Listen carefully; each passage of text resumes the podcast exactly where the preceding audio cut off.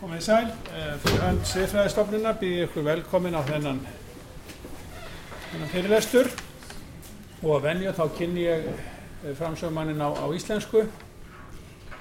En hann heitir Angus Storsson og er professor í lífsiðfræði og er postuðumæður Siðfræðistofnunar sem heitir The Center for Values, Ethics and the Law in Medicine við Líðhelsudelt Sydney Háskóla í Ástralíu. Hann var áður professor í líðhelsu siðfræði við Birmingham Háskóla í Englandi. Bakgrunnur hans er í heimsbyggi en á síðustu 15 árum, árum hefur hann sérhæft sig í siðfræðikenslu fyrir heilbriðstjettir og læknastúdenta. Sérsvið hans er á sviði siðfræði líðhelsu, engum bólusetningar og lífstílstengdir sjúkdómar sem á nótkun empiríska gagna í siðfræðilegum rauksendum, svo sem tengdu því að afla upp í samþykist fyrir þáttöku í, í klíniskum livjaransóknum. Angus er annar aðar eðstjór á tímaritsins Public Health Ethics og leiðir á samt öðrum félagskapin International Association of Bioethics Public Health Ethics Network. Angus Dawson hefur tekið þátt í fjölmörgum alþjóðlegum rannsóknarverkefnum svo sem á vegum WHO, Europasambandsins, Wellcome Trust og Líðhelsustofnum Kanada. Hann hefur reittstýrt fjórum fræðilegum greinasöfnum um líðhelsusiðfræði. Það var við að bókinni uh, Prevention, Ethics and Public Health sem var gefið út á Oxford University Press 2007 á samt félagar sínum Marcel Verwey sem er í prósur í Hollandi og svo hann, var hann aðra reittstjóri eða, eða eini reittstjóri bókarinnar Public Health Ethics, Key Concepts and Issues in Policy and Practice sem kom út á Cambridge University Press 2011 og þessa bók er hægt að finna alla á, á netinu. Fyrirlæstunans í dag, og ég get sjálfur sagt að, að bara að, að hann er mjög, sennilega fremsti svona sviðfræðingur á, á sviði líðhelsu í, í heiminum í dag, mjög, mjög eftirsóttu fyrirlæsari út um allan heim og hefur verið starfað mikið í Indlandi undanfarið og, og fleiri löndum og mikið fengur að því að hafa hann hér. Uh, it's great to have you, Angus, and uh, pleasure and honor. And today uh, his talk is entitled Drinking, Eating and the Good Life State Neutrality in Public Health Policies. Please take the floor.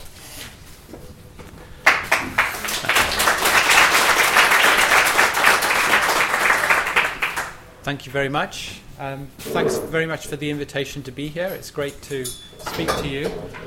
What I'm going to try and do is stick to just speaking for 30 minutes so we can have some uh, questions and discussion afterwards. So, um, this is part of a, um, a big project that I'm involved in in trying to reframe issues in public health ethics. And one of the sort of central themes is the role of governments in relation to thinking about uh, people's health. So, this is what I'm going to uh, talk about say a little bit about public health, talk about uh, chronic disease and how that's related to lifestyle choices, think about what state neutrality is, and then really raise a series of questions for um, advocates for the idea of state neutrality um, to respond to, and then I'll say a little bit about a possible objection to um, my own views and why it's actually not as significant an objection as people think. So there is um, a lively debate going on uh, in the public health literature about what public health is, and I've uh, chosen this particular um, American lawyer called Richard Epstein because he has a very narrow conception of what public health is. So, in a US legal context, there's a tendency to focus public health activity upon what are called the police powers of the state. So, um, the, the concern there is that the police powers are overstretching themselves and interfering too much in people's lives. So, he's an advocate for what's called the old public health, which is very much focused upon thinking about protecting people from infectious disease. So, according to him, it's okay for public health to encourage vaccination, to be concerned about sewage and water supplies and um, issues relating to infectious disease, but there's no role for the state at all in relation to chronic disease or health promotion more generally. Maybe there's a role in providing people with information, but that's it. So he wants to actually use the concept of public health to rule out any concern about chronic disease as being a legitimate place for public health. I think this is fundamentally um, misconceived as, as a project and is too wedded to a particular kind of legalistic conception that can be uh, critiqued in all kinds of ways. But I'm not going to do that today. Instead, I'm going to just suggest an alternative definition of public health, which tries to argue that actually public health is extremely broad, and that when we think about public health, we ought to have these two different senses of uh, public in mind. So we're interested in the health of populations. Is the population of Reykjavik or Iceland improving or getting worse over time? Is the health of Reykjavik, actually, the population in Reykjavik, uh, better or worse than the population in East Iceland? You know, those are the kinds of questions that people in public health um, are interested in. So there's a focus on groups, populations, and communities. And then, secondly, there's more of a, a, political aspect to public health, in that very often public health activity requires the coordinated action of many individuals. So, clinical medicine tends to focus on individuals, public health tends to focus on populations and what we as a group, as a society, can actually do um, for each other's health. I want to argue there's no reason to restrict public health to thinking about infectious disease, so it's perfectly legitimate and appropriate to be interested in thinking about chronic disease. And this allows us to actually capture thinking about ideas like um, the importance of prevention and um, certain kinds of values that somebody like Epstein has no place for. He's completely uninterested in issues to do with equity. He just thinks they're not part of, he defines them as not being part of public health at all. Okay, so the kind of examples that I've been thinking about in my own uh, work recently, think taking as read for, for now, some of you might want to contest this, but taking it as read for now that public health is legitimately concerned about health promotion. That's an important aspect of public health the chronic disease associated with, with various so called lifestyle choices. So, do you smoke? Do you drink too much? Do you eat too much or eat the wrong things? Those kinds of um, issues raise all kinds of um, ethical questions. And one of those questions relates to is it ever legitimate for the state to intervene in people's lives to try and shape the environment in various ways to try and encourage people to have a, appropriate lifestyles. So, again, I'm taking it as read for the purposes of today that when we think about smoking, drinking, and obesity, we can associate them with various kinds of um, chronic diseases. The story, of course, is complicated, and we'd have to go into uh, talking about different kinds of risk factors and so on. But one of the reasons why these issues are, are of concern to people who work in public health is just the, the number of people that are affected either now or potentially in, in the future. There are some interesting special issues to do with thinking about children. So we might say, well, it's up to adults themselves to make up their own minds how they want to live their lives. And if they want to accept the consequences of their behavior, then perhaps that's fine. But we might produce a different argument in relation to thinking about um, children. And then, uh, lastly, there's an interesting issue about, particularly thinking about obesity. Recently, some people have argued that uh, rising obesity levels in many countries in the world are so significant, so rapid, there's been such a significant change that we actually need to think about this as being a global um, emergency. So we use the language of emergency as if it was the equivalent of some kind of event like an earthquake or a tsunami or, or, or something. Produces such a dramatic population effect that we ought to be motivated to take this really seriously and prioritize it in the work that we do. Okay, so the central focus of my talk today is on the idea of state neutrality, and I'm sure there's a um, there are different ideas in the uh, in the audience here about what neutrality might actually mean. So it's often claimed that the state should be neutral, and I basically want to explore with you today what that might actually mean. So there's a kind of coherence question about whether it's possible for the state to be neutral, and then there's a kind of more moral question about should it be neutral. So, what does it mean to be neutral? I think there's an interesting issue about um, when people make that kind of claim, are they thinking about looking at the situation, uh, all the laws that have been passed, and doing some kind of retrospective analysis and potentially throwing some laws out because they're held not to be neutral? Or is this some kind of rhetorical device to actually employ when we're talking about possible future legislation that might impact upon people? It can be used in both ways. Now, my interest in this is really coming in from the perspective of ethics and political philosophy and thinking about how so many forms of liberalism want to argue that we have these competing ideas of the good. So, is there such a thing as the good life, or is the good life just that life which is chosen by um, any individual themselves? So we're into complicated philosophical territory here about subjectivity and objectivity, etc., etc. There's a really complicated um, set of issues to discuss. But the key thought for advocates of state neutrality is presumably there's an empirical claim. We are faced with a situation where there is diversity of opinion about what um, the legitimate good life is, and then there's a move to a moral claim. Of course, this isn't a formal argument, it's not going to work because we've got an is ought uh, break here. But you could formulate a, an argument if you wanted to.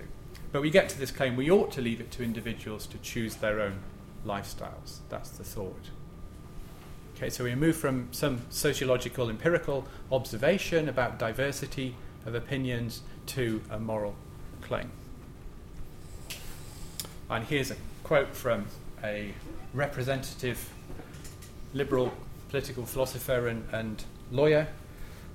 Political decisions must be, as far as it's possible, independent of any particular conception of the good life or of what gives value to life. So he, here he's writing in relation to end of life decision making about abortion, euthanasia, so on. But it's a general principle. So, where I want to start is asking the question actually, is the state neutral? So, it's more of a kind of empirical um, starting point. And I want to argue uh, clearly the state is not neutral, it interferes in all kinds of ways. I, I can't imagine any government actually not being um, enthusiastic about interfering in people's lives in all kinds of ways. If you think about it, anything to do with the choices that governments have to um, tax us in different ways, they can incentivize certain kinds of behavior and they can penalize others through the taxation system. So it needn't just even be like formally passing a particular law to say ban a particular kind of behavior. Governments find all kinds of ways to push us in particular directions. So, just as a kind of empirical claim, and some of you might want to contest this, but um, as an empirical claim, I would want to argue that no state is actually neutral. So that leads on to the question is it actually possible for a state to be neutral? You know, is this very idea actually coherent? And again, I want to argue that it's um, an actual incoherent idea. Choices have to always be made by a state, and therefore, neutrality is itself a choice, but we might still question what we mean by neutrality in that kind of context. So I'll give some examples of the kinds of things that I'm thinking about, which I think are intrinsically um, written into notions of neutrality when people are claiming that we ought to be uh, neutral. So the first thing is to do with non-intervention. Is is there an assumption here that neutrality means that we should not intervene? What does that mean within a society where there are other actors apart from the government at work? So non-intervention can't be what neutrality is because it basically is um, allowing various other powerful actors within society, industries, um, companies, to influence us in various kinds of ways. So, does the state in that kind of situation actually have an obligation to intervene, to um, ensure neutrality? So, even if you think neutrality is a relevant kind of goal, it might, ironically, involve all kinds of interference in societal structures to try and bring about that neutrality. So, just to unpack a little bit some of the um, assumptions in the background here, one powerful idea behind um, that is used, I think, by advocates of state neutrality is a very strong idea about the importance of individualism. So the thought is that effectively there's no such thing as society, we're all individuals. So we ought to be we all have our different views about what the good life is, and it's down to the individual to define um, what that is. It's not legitimate for the state to actually interfere. So then we have a kind of set of associations around that idea about individual responsibility um, and so on. Now, anybody that's impressed by the massive literature about how our health states as individuals are actually at least partly shaped by the social determinants, is going to say, well, hang on a minute, this is just, at the very least, too simplistic a story. Any individual's health states are at least partly a result of their individual position within all kinds of complicated socioeconomic uh, factors. So it's at the very least too simplistic to argue that we're merely individuals. And particularly if we're interested in health, so presumably public health is interested in health, then what does this actually mean for an advocate of state neutrality? Presumably, they need to argue that health is just another consideration. That if we're, for example, one of the things driving the idea of state neutrality might be a concern about certain political or religious ideas might be dominant in a society, and individuals are free to make their own choices in relation to those lifestyle choices. But the assumption here seems to be that health is exactly the same as those kinds of characteristics. And we perhaps have good grounds to, to, do, to, um, to doubt that. So, again, big question in the background here is if we think about health, we might think about it as being something which is either intrinsically valuable, it's valuable in its own terms, but it's also instrumentally valuable. Whatever you want to achieve in life is going to be easier to achieve if you have a certain kind of basic uh, quality of health. So, health might be very different from other kinds of considerations in this context. It might be at least partly a means to whatever kind of individual ends um, you have.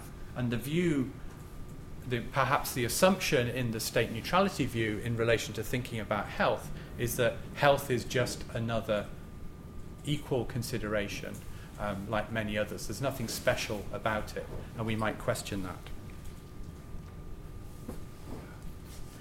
again, in the background here is a whole complex set of um, political, philosophical issues.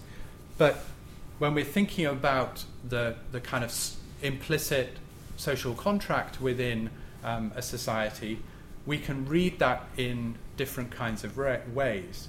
So perhaps the advocate for state neutrality is reading this in a very narrow way, um, that we're thinking about the role of the state as being about the protection of individuals in relation to things like um, protection from physical harm. So it's perfectly okay to have a police force to try and protect people in that way, and also from external threats. So it's perhaps okay to have um, armed forces to uh, protect a country.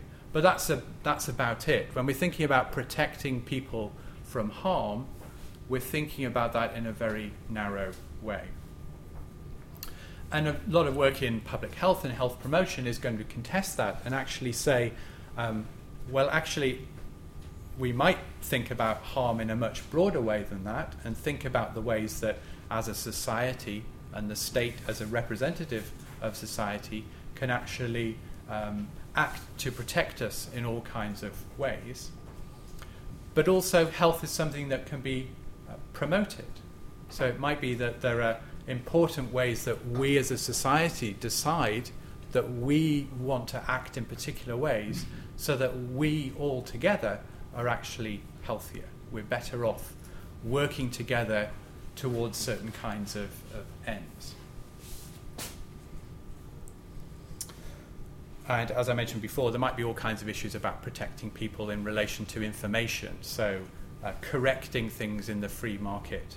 So, ensuring that uh, food manufacturers provide information in relation to uh, what's actually in their, in their products, etc. But they're kind of minimal ideas of what the obligations of the state might be. And they are certainly things that seem to be a, sh- a set of assumptions which are shaping this idea about state neutrality as what's appropriate.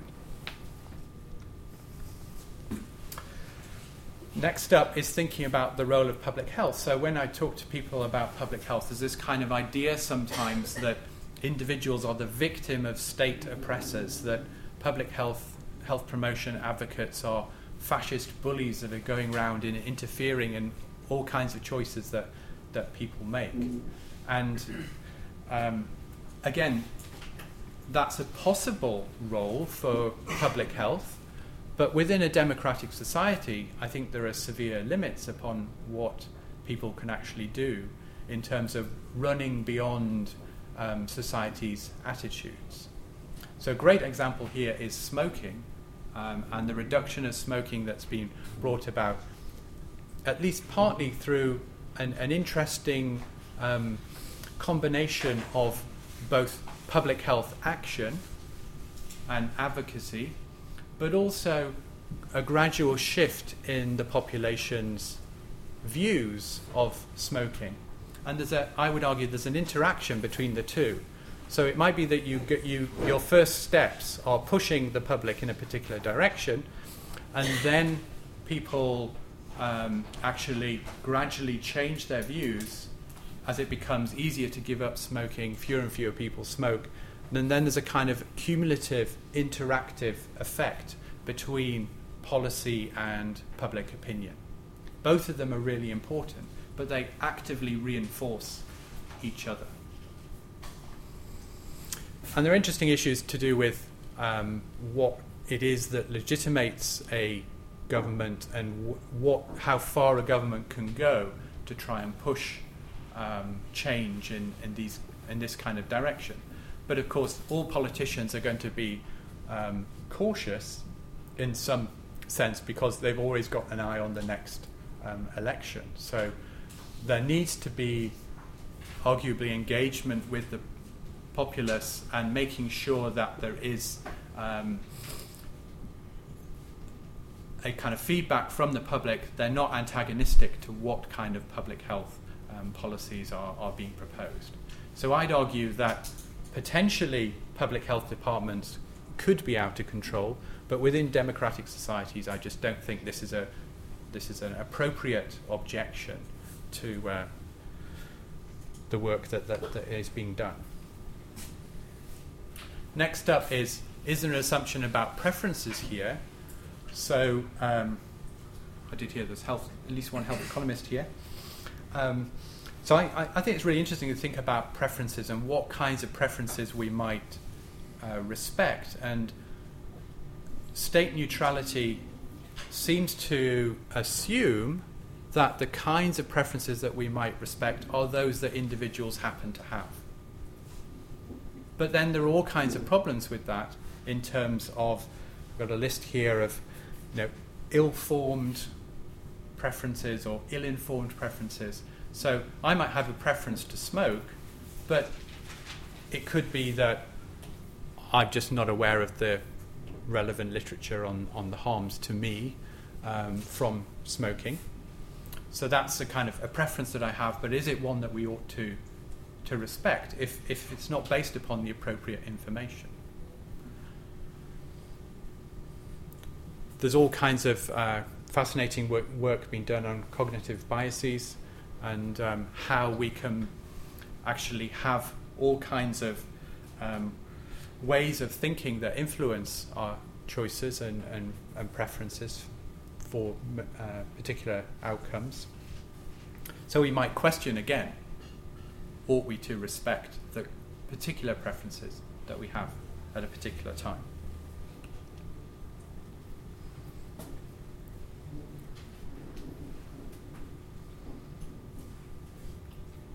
Again, one of the things in the background here is that when we're talking about individual preferences, of course, we're talking about individuals. So perhaps this approach actually ignores what we have in common as you know, human beings. I'm with Aristotle, think about human beings as being both biological and social creatures, and that's important. We're not just merely individuals. What are the consequences of um, neutrality? So, what other kinds of costs might there be involved here? Public kind of values like solidarity might actually be threatened. So I'll move on a little bit quickly so I sort of catch up with myself. Um, okay, so going back to a different kind of coherence point, I think it's interesting to think about advocates of state neutrality, are they actually effectively prioritizing particular values? So the view is state neutrality, you're being neutral, but actually, are you effectively promoting certain kinds of values? Ideas about liberty and autonomy of choice. That's given an incredibly powerful weight within thinking about these considerations. And aren't other kinds of values at least equally important at least some of the time. So, what an advocate of state neutrality is perhaps actually committing themselves to quite a substantive normative position that is not, in fact, neutral.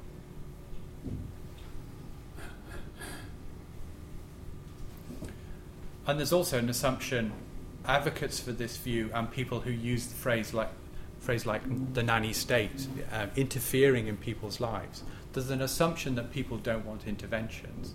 And this could just be untrue. I mean, this is an empirical consideration, and it depends upon the society and the issue that we're talking about. But um, when I talk to um, just members of the, the general public, it's very common, for example, for people to say, I actually want some help with um, making sure that I can live a healthier lifestyle. I want help with that, um, both societally in, in terms of finances, perhaps, but also culturally. You know, are there ways to um, allow people to exercise more and eat the right kinds of food? To a, a society or a, or a place of work, for example, that allows um, time off to actually go and walk at lunchtime or um, allows access to a gym and, and, those kinds of things. There can be all kinds of ways that we can think about how um, people can be encouraged, not necessarily coerced, to do things. But all of that encouragement is moving in a particular direction. you have some kind of goal in mind, and therefore you are not strictly um, being neutral as to what you're seeking to achieve, both within a, a workplace but also more broadly in, in society. And this is this, there's this assumption, I think, about um, the kinds of responsibilities that we have towards each other. There's a kind of minimal idea about maybe, you know, I, I have a, um, an obligation not to kill anybody in this room in the next 10 minutes, but that's about as far as my obligations go. You know, if somebody is starving, then literally starving to death, I've got no obligations to them because I, unless I've stolen their food or something, you know, they're starving not as, as a result of my actions, so it's irrelevant to me. I have no obligations to, to that person. So that, again, complicated issues here about what obligations we have and where they come from and so on. But what I'm interested in here is just raising the questions about are there a set of assumptions about what our moral commitments are to each other within a societal context? And why should we accept the kind of minimal uh, picture that's presented? So, going slightly more positive, when we actually think about reasons for not focusing on state neutrality, almost all political philosophical positions could potentially offer support for the idea. So it's actually not that outlandish. So even some forms of liberalism um, you know, are perfectionist in nature. By that, there's an idea of the good life, which is at the base of um, the kind of legitimate forms of intervention that there might be to try and pr- push people in a particular direction towards a particular end. And that end is something which allows for lots of individual choice, but is going to accept that there will be various kinds of features of what it is to be a human being that mean that it's inappropriate to just leave individuals on their own to define their own notion of the good life and leave them to it.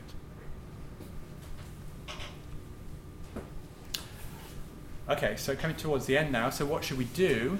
Um, so I want to argue that the, the state cannot be and should not aim to be neutral. So there's a, that's the kind of coherence claim. There's something about the, the concept of neutrality itself which is just um, deeply incoherent. If we move away from talking in terms of state neutrality, then we can actually move on to a situation where we're talking about more the legitimacy of various actions. So, do you want to state that um, politicians discuss what they think is the good life and then they impose it upon a population?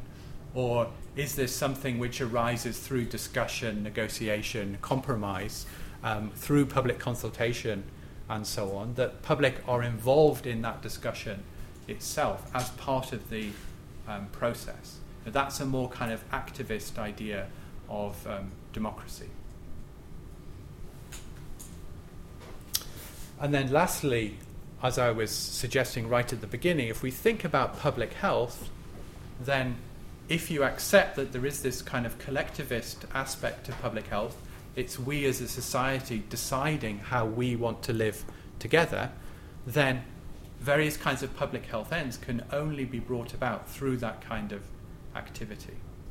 So, if you focus on state neutrality, it might be that the consequence is that you need to accept that various kinds of things are perhaps ruled out as being either public health at all, like Richard Epstein, or they are not legitimately part of public health. Public health is overstepping its role in society. So, what the, is the government's role according to me? These are the kinds of things that I think we ought to move on to actually talking about.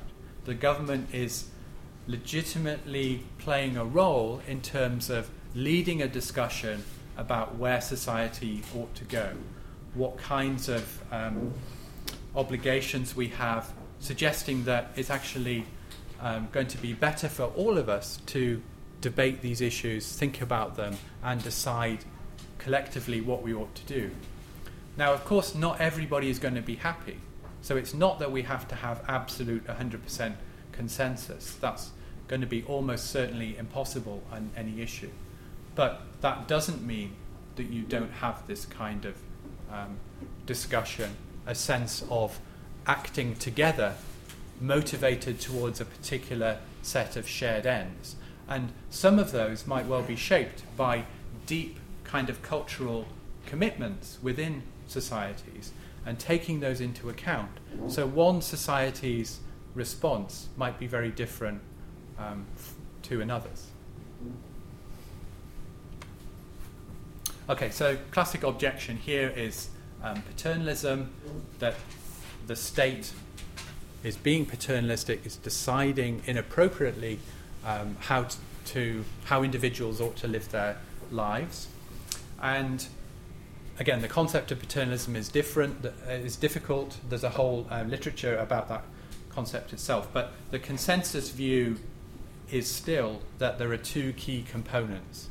That a paternalistic act is firstly acting in the best interests of a particular individual. So I can only be paternalistic towards you if I'm acting to try and bring about what's best for you according to me. Um, if I'm acting as a means of exploiting you to my own benefit, then that's not paternalism. It can be morally wrong, of course, but it's not paternalism. So the first component is that it's very important that you see that the aim of paternalism is a beneficent one. You're trying to bring about good. And secondly, there's this idea about overruling others.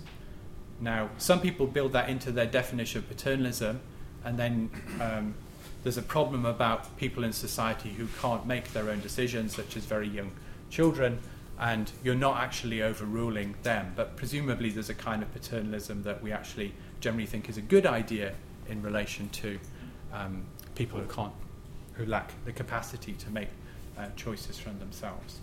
So that's where things get complicated in the definition. So whatever we think paternalism is, there's, n- there's then a second issue, which is is it wrong? And many um, advocates for saying that paternalism is morally wrong build into their very concept of paternalism the notion of it being normatively wrong. So it's a normative concept. It's not a neutral word. You know, it's a, it's like the word terrorism is not neutral. If you label somebody a terrorist, you're saying something about them in a particular way, or you're trying to. And that's why politicians like to use that word to label, in some cases, groups that they don't like in society. It's a very convenient way of short circuiting all kinds of debate. Okay, so I personally think it's really important to separate out is this a case of paternalism? And then, secondly, is it wrong? Because I believe there are justifiable forms of paternalism. So just calling something paternalism isn't going to do the work. And then it's really interesting to think well, actually, paternalism in this context is this paternalism at all? Because, say, we have some interventions in society and they are to discourage smoking or to encourage people to live a healthier lifestyle in relation to um, exercising more perhaps we encourage people to cycle. We put in some cycle lanes and, and, and, so on. And if people actually want to do that, they, they like it, then it's not going to meet that second common condition for paternalism. There's no overriding of people's choices. So if the majority of people in a society actually think that an inter- intervention is appropriate, you, you, in this really interesting situation, does that mean that it's not paternalism at all, or it's only paternalism for those minority of people that actually object to that intervention. So let's take it for granted that some people will actually um, object. But this then comes back to thinking about public health. All kinds of public health interventions require population level, community level interventions. And if that's true, then again we can raise this question about if interventions are things which are generally accept, accepted by those groups, then should we view this as being paternalism at all? we might look to other kinds of legitimacy for decision making which aren't always individual based. So there's a strong trend in a lot of um, bioethics um, coming in from research ethics and clinical ethics to say that it's consent that does the work at the individual level. So, in public health interventions, is that the appropriate way to think about these kinds of interventions?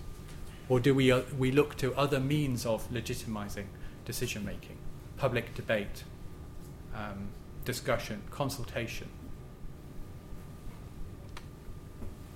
Okay, so conclusions are that I think there's a coherence problem for the notion of neutrality. Um, there's, a, there's ironically a strong commitment to a particular set of values which we can question in the very notion of neutrality. It's better to accept that governments aren't neutral, so that's a kind of empirical claim, and can't be neutral. And then, if you accept that, we can move on to thinking more about well, what kind of society do we want to shape together? That's the important question to me. I think that's what public health ought to be about. Departments of public health, public health advocates, and um, um, academics ought to be leading that discussion. So, thank you very much. Um, I look forward to questions and debate.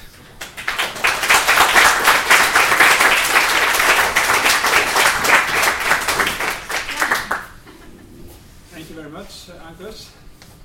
And now we open up for for uh, discussion. yes. I feel that you're not taking into consideration uh, the kind of choices or the kind of uh, state of consciousness that underlie the uh, choices of the individual. For example, if there is an alcoholic who uh, loses his ability to think rationally about making certain kinds of choices. Mm-hmm. Uh, perhaps that might uh, allow us to interfere, the government to interfere. Mm.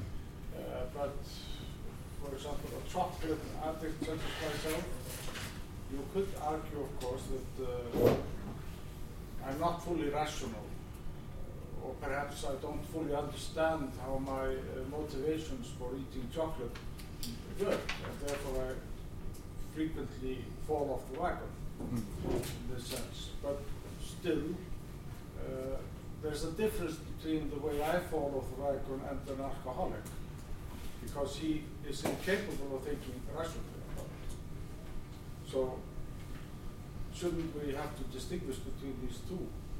When we are thinking about interfering with people's power to make choices. Right. So, I mean, in both those cases, the, the kind of considerations relate to the individual, and I was trying to move away from those, but it is part of the picture and it's relevant to thinking about these kinds of considerations.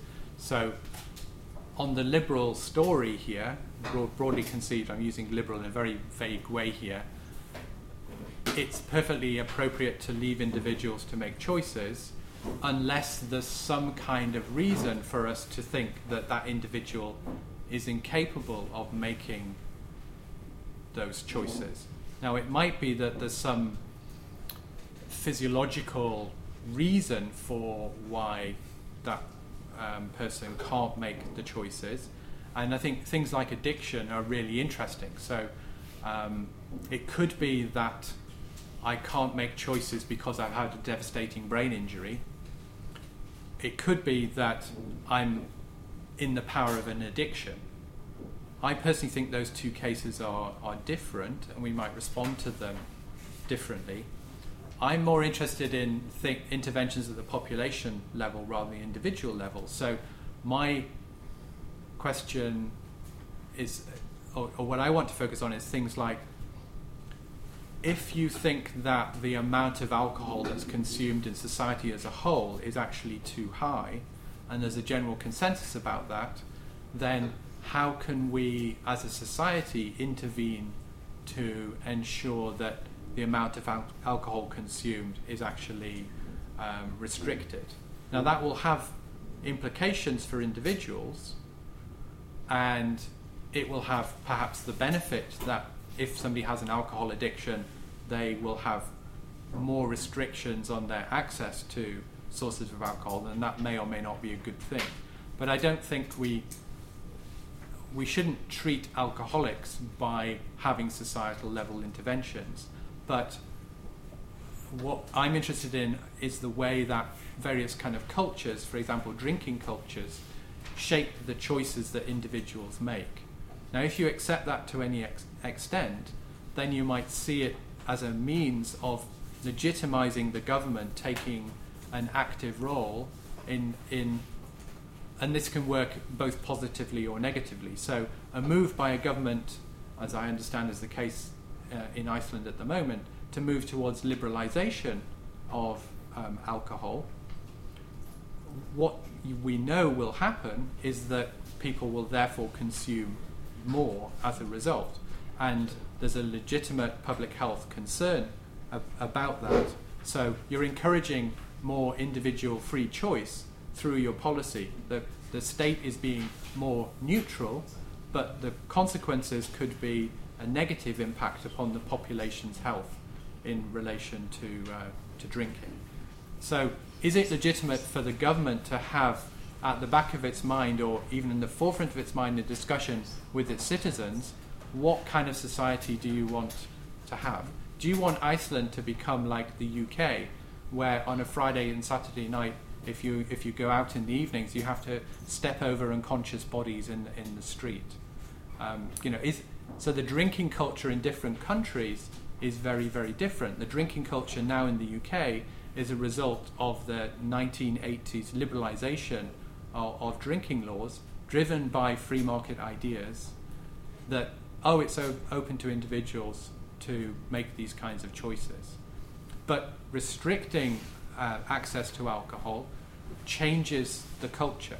And this is what I mean about raising this question about um, in what way should the government actually intervene. It's not a neutral decision. You know, being pro market is not a neutral decision. It is an active intervention, just as if you were restricting alcohol. Okay, thank you. Kate? Thank you very much. I really enjoyed your lecture. I was, uh, I was, uh, what I was thinking about, uh, could you very shortly say in what way does your country, Australia, intervene in the lives of people? For example, regarding smoking, alcohol, Mhm. and uh, obesity. Yeah. And what is your experience? So I know it's a big question, but I mean, what is the, what is the current situation in Australia regarding this issue? What state intervention in promoting public health, good life? Right. So I only moved to Australia from the UK last June, so I'm not an expert.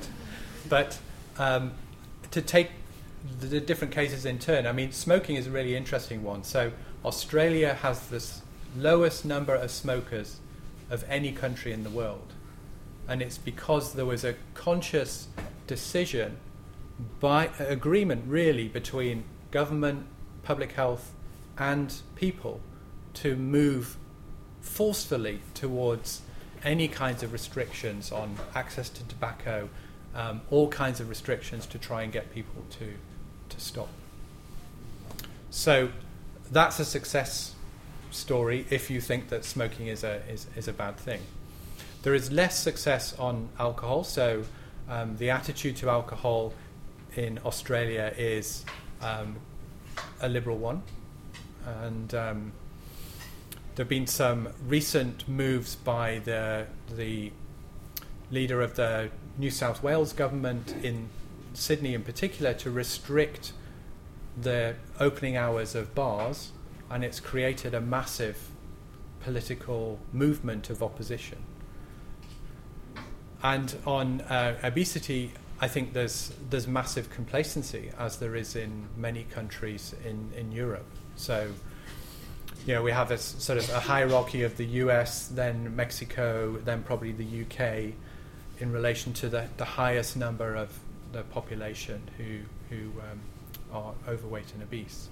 So, Australia is is a curious combination, I think, of a libertarian arguments, uh, arguments employing the accusation of the nanny state, are quite powerful. But smoking is an interesting case where people have accepted that intervention is legitimate. There's more concern about alcohol and food related interventions. But there's also the, the other aspect is a um, so there's a strong libertarian element, but there's also a strong commitment towards looking towards the state to actually act. So it could be that if a state makes a first move, then that gradually increases support. There are problems where a state does something deliberately half hearted because they have other kinds of considerations, such as they're sponsored by or financed by food companies. So, Australian food labelling, for example, is absolutely appalling. It's, it's actively misleading because the government were, have basically caved into the food industry. Whereas um, the food labelling in the UK is much better. It's not perfect. Um, so the idea is you need to look at a processed food and see straight away, simply, what it actually means. You don't need a degree in nutrition to understand the food labels. That's part of the problem. But even if you think that's the solution, food labeling, it's an informational aspect which is actually empirical evidence suggests is not actually going to achieve your, your public health ends. May I, may I ask about this? Uh, because I was going to ask specifically about the information, because you mentioned the people's preferences are often ill-informed or, or misinformed, and, and then you mentioned this uh, labeling problems in Australia. But why, why isn't uh, why isn't it enough to, to, to sort of go for really emphasize more information, more knowledge, mm. uh, rather than go for this uh, more sort of coercive actions on behalf of governments? What would be your main sort of response to that? So, I mean, the key point is that we know it won't work.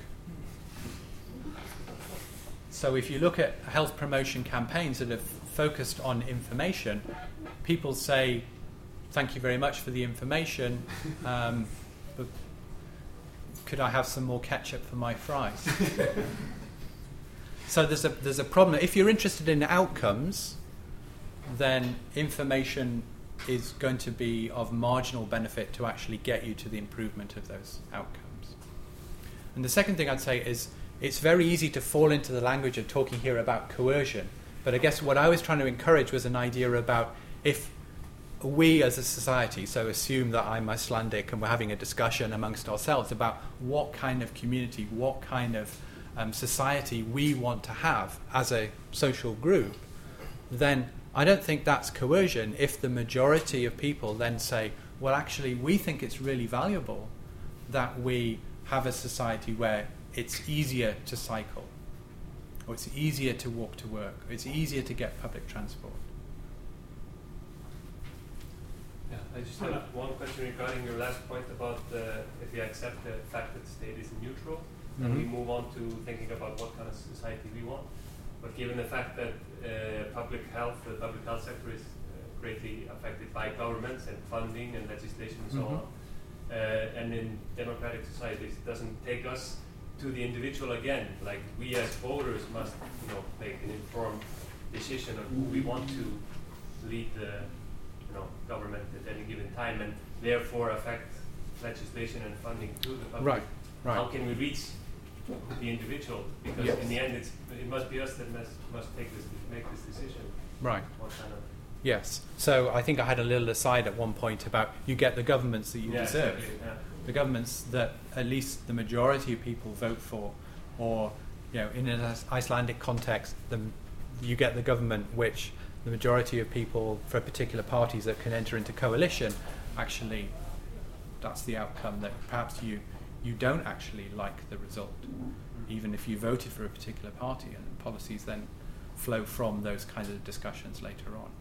So I, am an advocate for a view that says, as citizens, we have to be active, we have to be engaged, we have to be aware of what governments are actually doing, and we have a duty to participate, to critique, to um, get involved socially um, amongst group. You know, protest campaigns and, and, and so on can be extremely effective. So when people think about public health and they're opposed to public health and they're, they're thinking they, they like these kind of nanny state o- objections, they're thinking about public health as being a top down process.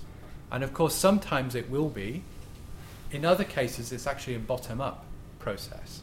So the first time I was in Taiwan, I was talking to somebody who worked in the, in the Taipei government, and the government there had been forced to actually um, introduce parks into Taipei through public action campaigns. Basically, parents had come together and said, Our kids have got nowhere to play, and they actively pressured politicians who then had to declare whether or not they were in favour or against um, the provision of green spaces within the city. And it actually had a massive impact. So that's a, a good example of a successful campaign. Now, the, the reason why Taipei doesn't, uh, in the past, didn't have any green spaces was that Taiwan's priority in terms of the government was economic development. So they have a sprawling city where they didn't think about planning and they didn't think about having green spaces for people to enjoy, come together, congregate, um, for kids to play, and so on. So then you have rising rates of obesity and so on. So every, one of the things that's really interesting about a lot of public health activities is that it bleeds into all other kinds of policy discussions transportation, agricultural, food policy. And we shouldn't think about health in that narrow way. That's what public health notion of health is not just about the physiological state of particular individuals and that you have a disease. You know, it, it's looking at it much more broadly. All of that context is crucial to thinking about public health. So I think citizens do have to be active, they do have to be committed. And public health academics and um, practitioners have to be advocates as well and actively engage with relevant community groups and see building a coalition towards particular ends as being part of their job. Larry?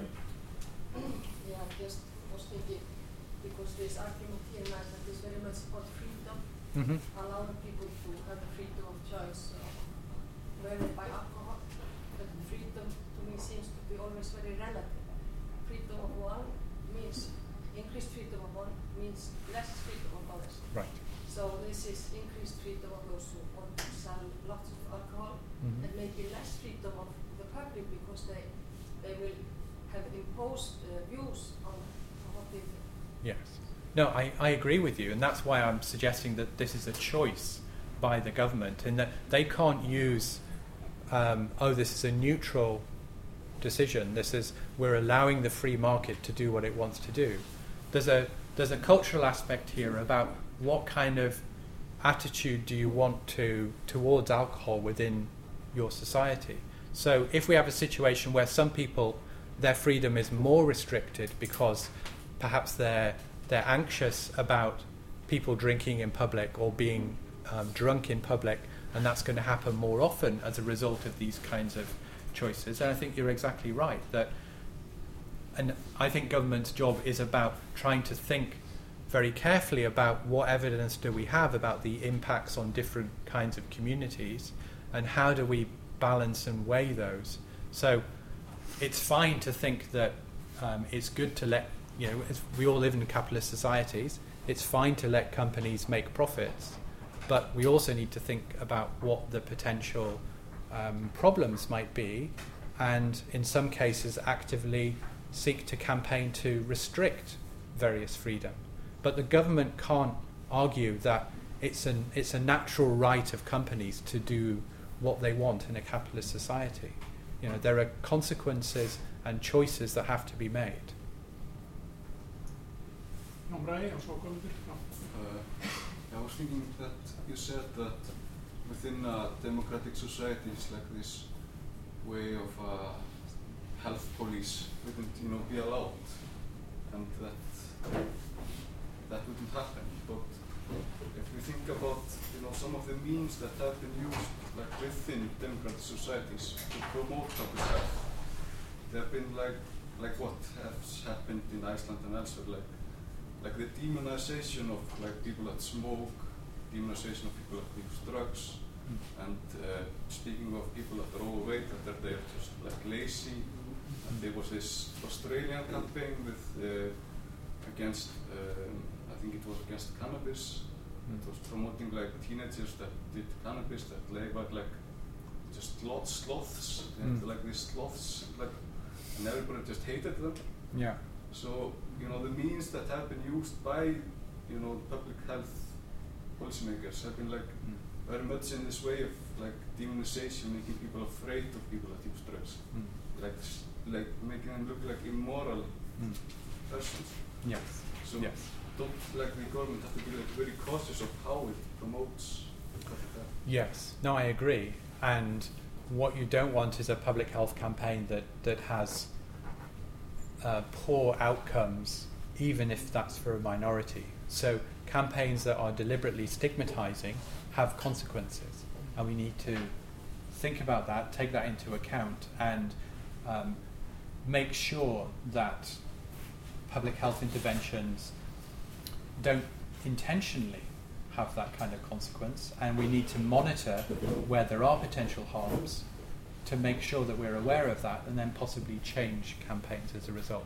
But you're right, I mean, it's very tempting for um, health promotion advocates to go down a particular line which they they look at the advertising by fast food companies and, and so on and they think right we want to do that as well so how do we get our message across really quickly and that can lead to simplification and um, potentially stigmatization of, of individuals. We need to think about that and ensure that, that we're not actually creating harm from public health interventions.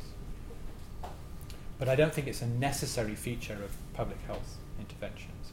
You know, if, if you go for my, my kind of more deliberative, kind of discussive idea of public health, then we don't need to stigmatize in that kind of way. We don't need to have advertising campaigns with these very um, superficial and potentially misleading and potentially harmful messages.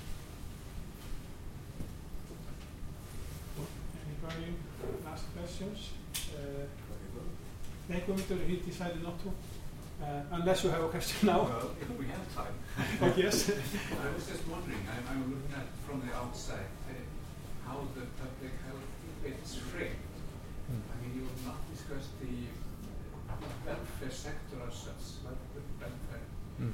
sector. and How does that come into play? I mean, is it is the debate on public health mainly concerned with consumption issues? You know, consumption of alcohol and smoking and so on. Uh, and I mean, there has been a long debate between the liberals and the more interventionists with regard to the development of the welfare society. And the liberals have settled or accepted um, a, a huge intervention of, of the state into, into, into health. Mm. So, is, the, is this just a small part of public health that is being, being debated, or how, how do you see it? Mm. Okay, That's a big question. there, there, there is a lot there. Yeah, maybe maybe that's more a kind of lunchtime conversation. But I, I think you're you're right that. So personally, I want to go down the route of, of saying health is really important, but we need to see it within the context of all these kind of welfare um, policies. And I'm I don't like the way that, that all kinds of welfare debates get shaped around, particularly ideas, very simplistic ideas about individual responsibility. So, take something like suicide. You know, people tend to think about suicide as being the result of a tragic individual story. But if you look at who it is that is in, at increased risk of suicide or attempted suicide, there are very clear demographic factors. So again, you can tell a socioeconomic, social determinants of health kind of story about something like um, suicide, and you can about many kinds of addiction as well. You know, so it's not th- there's this tendency in liberal societies to assume that the key locus of interest is always the individual. I had something that I skipped over a little bit, which I've been working on recently about um, ideas about solidarity. So, in um, different societies, there will be different explicit appeal to notions of solidarity. You know, some cultures, some nations are very comfortable by using the word solidarity. Whereas when I'm giving a talk on solidarity in the US, everybody's looking at me and you know they're they're calling the FBI. You know, so get this crazy communist out of our country. Um, but I, my the time that I spent in the US, I noticed very strong solidaristic bonds. It's just that people don't like the word. So if you if you go to small communities in the US, you really see people looking out for each other, and a lot of that is done through faith communities and other kinds of groups in society. So it might be that there's a very weak, in US society, a very weak bond with the central gov- federal state, but that's partly to do with the size of the country and, and so on. So it must be much easier within an Icelandic society to, to have those kinds of knowledge and, and bonds with, with others in a way that in the US society or you know if you it, it might be one reason why people many people in the UK find it very difficult to relate to the European Union for example that you get to a certain level of size you know plus it's all foreigners anyway and we hate them you know but the, there's something to do with the size of a population which means that it becomes more difficult to conceptualize those kinds of bonds and it becomes more difficult to then think about welfare considerations. You know, why should I care about a migrant that ends up coming into Greece? You know, Greece is far far away, and the migrants come from even further away from a country that I know nothing about. So I think that there there really are a complex set of issues here about welfare, broadly speaking, and I'm an advocate for thinking about public health as being an aspect of welfare considerations and one of the things I like about public health is that it hasn't got this narrow focus just upon clinical medicine.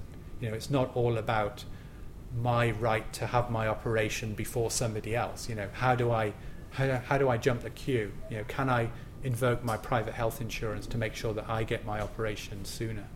We need to think about health within a societal context, and public health is a way to think about health within about all of its links to other kinds of areas of um, societal and government activity.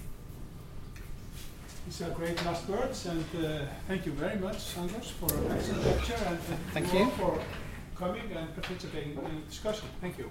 Thank you.